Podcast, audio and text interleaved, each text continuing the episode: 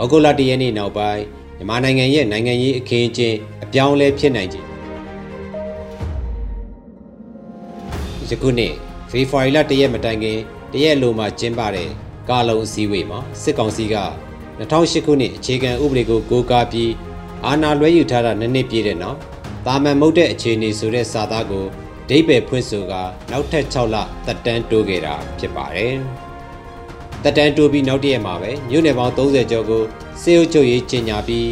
ဒိုင်းနာလက်နက်ကင်တွေနဲ့ပြည်သူ့ကာကွယ်ရေးအဖွဲ့တွေရဲ့လက်နက်ကင်ခုခံတိုက်ခိုက်မှုကိုနှိမ်နင်းမယ်ဆိုတဲ့ပြင်ဆင်မှုတွေလှုပ်ဆောင်ခဲ့ပြီးယခုနှစ်ဖေဖော်ဝါရီ၁ရက်နေ့နောက်ပိုင်းတိုက်ပွဲနဲ့ကျေးရွာတွေကိုစစ်ကြောင်းတွေဝင်ရောက်ပြီးတန်တရားရှိသူတွေကိုတပ်ဖြတ်တာအိမ်တွေမိရှို့တာစစ်ကောင်စီတပ်စခန်းရဲစခန်းရင်နှန်းတွေကိုတိုက်ခိုက်ခံရတဲ့အခါလေကြောင်းပစ်ကူတွေပုံမအုံပြုပြီးတိုက်ပွဲအရှိန် မြင့်တက်ခဲ့တာတွေ့ရမှာဖြစ်ပါတယ်။ယမန်နှစ်ကတော့စစ်ကောင်စီကရွေးကောက်ပွဲပြင်ဆင်မှုနဲ့မဲစင်းကိစ္စတွေကိုပြောဆိုခဲ့ပေမဲ့အခုကုန်လွန်ခဲ့တဲ့6လတာကာလမှာတော့ရွေးကောက်ပွဲအကြောင်းထက်လက်နက်ကိုင်ခုခံတိုက်ခိုက်မှုကိုနှိမ်နင်းမဲ့အကြောင်းကိုသာဦးစားပေးနေခဲ့တာတွေ့ရမှာဖြစ်ပါတယ်။စစ်ကောင်စီဘက်ကလက်နက်ကင်ခုခံတိုက်ခိုက်မှုတွေကိုနှိမ်နင်းမယ်လို့ပြောဆိုနေချိန်မှာပဲတိုင်းသားလက်နက်ကင်အဖွဲ့တွေနဲ့ပြည်သူ့ကာကွယ်ရေးအဖွဲ့တွေရဲ့ လှုပ်ရှားမှုတွေလည်းပုံမိုအရှိန်မြင့်လာတာဖြစ်ပါတယ်။စစ်ကောင်စီစန့်ကျင်ရေးလက်နက်ကင်အင်အားစုတွေရဲ့လှုပ်ရှားတဲ့နေမြေနဲ့တိုက်ပွဲဖြစ်ပွားရာဒေသတိုက်ပွဲဖြစ်ပွားတဲ့အချိန်ကြီးစတာတွေပုံမိုကျယ်ပြန့်များပြားလာခဲ့တာတွေ့ရမှာဖြစ်ပါတယ်။ကရင်ပြည်နယ်၊မွန်ပြည်နယ်၊ပဲခူးတိုင်းတို့မှာ KNL နဲ့ PDF အဖွဲ့တွေကတရားတွေလမ်းတွေကိုပြစ်မှတ်ထားဖျက်ဆီးလာပြီးစစ်ကောင်စီတပ်တွေရဲ့ထောက်ပံ့ရေးလမ်းကြောင်းတွေကိုဖျက်တောက်မယ် ခက်ခဲအောင်လုပ်မယ်ဆိုတဲ့ရည်ရွယ်ချက်ကိုအောင်မြင်ဖို့ကြိုးစားလာကြတာဖြစ်ပါတယ်ဒီကာလတွေထဲမှာစစ်ကောင်စီတပ်ဖွဲ့တွေတဲကလက်နက်ချတာ CDM လို့ဗတ်ပြောင်းလာတာတွေတိတိတသာဒိုးလာတာမတွေ့ရတော့လေ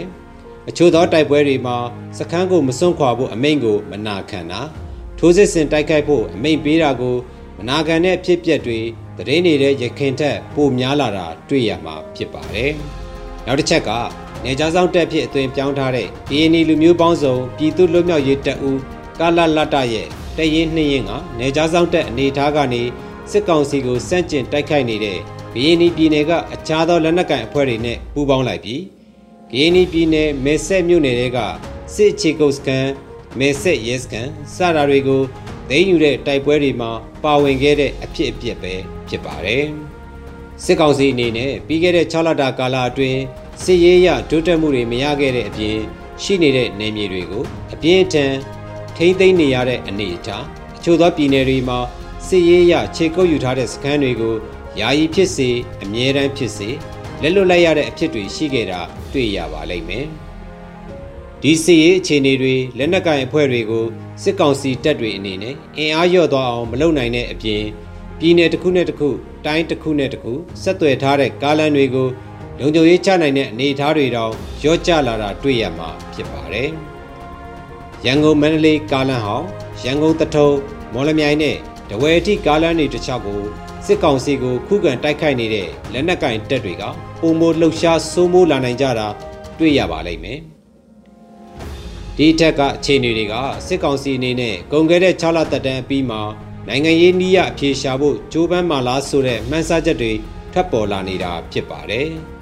ဒီမှန်းဆချက်တွေထွက်ပေါ်လာခြင်းကလည်းအချို့သောဖြစ်ပေါ်ပြောင်းလဲတဲ့လက္ခဏာတွေပေါ်မူတည်ပြီးမှန်းဆကြတာဖြစ်ပါတယ်။ဇူလိုင်9ရက်နေ့မှာ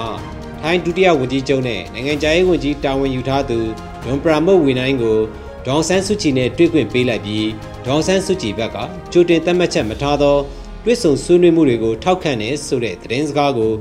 အာဆီယံနိုင်ငံသားရေးဝန်ကြီးအစည်းအဝေးမှာထိုင်းဝန်ကြီးကထုတ်ဖော်ပြောဆိုခဲ့ပါတယ်။တပန်အခုရက်ပိုင်းမှာ ဒေါန်ဆန်းစုကြည်ကိုနေပြည်တော်ချုပ်ထောင်ကနေဒုဝန်ကြီးတွေနေထိုင်တဲ့အင်ယာဝင်းတစ်ခုစီပြောင်းရွှေ့လိုက်တယ်ဆိုတဲ့သတင်းထပ်မံထွက်ပေါ်လာတာကြောင့်ဒေါန်ဆန်းစုကြည်နဲ့စစ်ကောင်စီအကြားဆွေးနွေးမှုတွေပေါ်ထွက်လာမလားဆိုတဲ့မှန်းဆချက်တွေဆက်လက်ထွက်ပေါ်လာတာဖြစ်ပါတယ်။လွယ်လွယ်ပြောရရင်တော့စစ်ကောင်စီအနေနဲ့မြန်မာနိုင်ငံမှာဖြစ်ပေါ်နေတဲ့အကြက်တဲကိုစစ်ရေးနည်းနဲ့ပဲဖြေရှင်းမယ်ဆိုတဲ့အနေအထားကနေဒေါန်ဆန်းစုကြည်ကိုပြစ်မှုကျူးလွန်လို့တရားရင်ဆိုင် ပြစ်ဒဏ်ကြခံနေရပါတယ်ဆိုတဲ့သူတရားအနေအထားကနေပြည်သူလူထုကိုကိုစားပြုမှုရှိတဲ့နိုင်ငံရေးခေါင်းဆောင်တယောက်ဖြစ်ပြန်လည်နေရာပေးပြီးလက်ရှိအချက်တဲကနေထွက်ပေါက်ရဖို့အကိုညီတောင်းခံလာပြီလားဆိုတဲ့အနေအထားဖြစ်ပါတယ်။ဒေါန်ဆန်းစုကြည်ကလက်နက်ကင်လမ်းစဉ်ကိုအားပေးခြင်းမပြုဘဲနိုင်ငံရေးနည်းလမ်းနဲ့အပြေရှားဖို့ကိုတိုက်တွန်းပြောဆိုလိမ့်မယ်ဆိုတဲ့မျှော်လင့်ချက်သို့မဟုတ်မှန်းဆချက်နဲ့လက်ရှိအချက်တဲကနေထွက်ပေါက်ရဖို့ကြိုးပမ်းတာဖြစ်နိုင်ပါတယ်။ ဒေါ်လာရင်းအင်အားစုတွေအနေနဲ့တော့စစ်ကောင်စီကိုစစ်ရေးရအနိုင်ယူဖို့အဆုံးတိုင်ဆုံးဖြတ်ထားတဲ့ဆိုတဲ့အင်အားစုတွေရှိနိုင်တယ်လို့နိုင်ငံရေးပြဿနာကိုနောက်ဆုံးတော့စပွဲဝိုင်းမှာဖြေရှင်းကြရတယ်ဆိုတဲ့အယူအဆ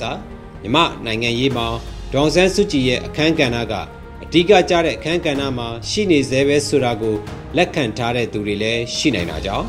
တွဲဆုံဆွေးနွေးရေးကမ်းလှမ်းလာမလားဆိုတဲ့အလားအလာ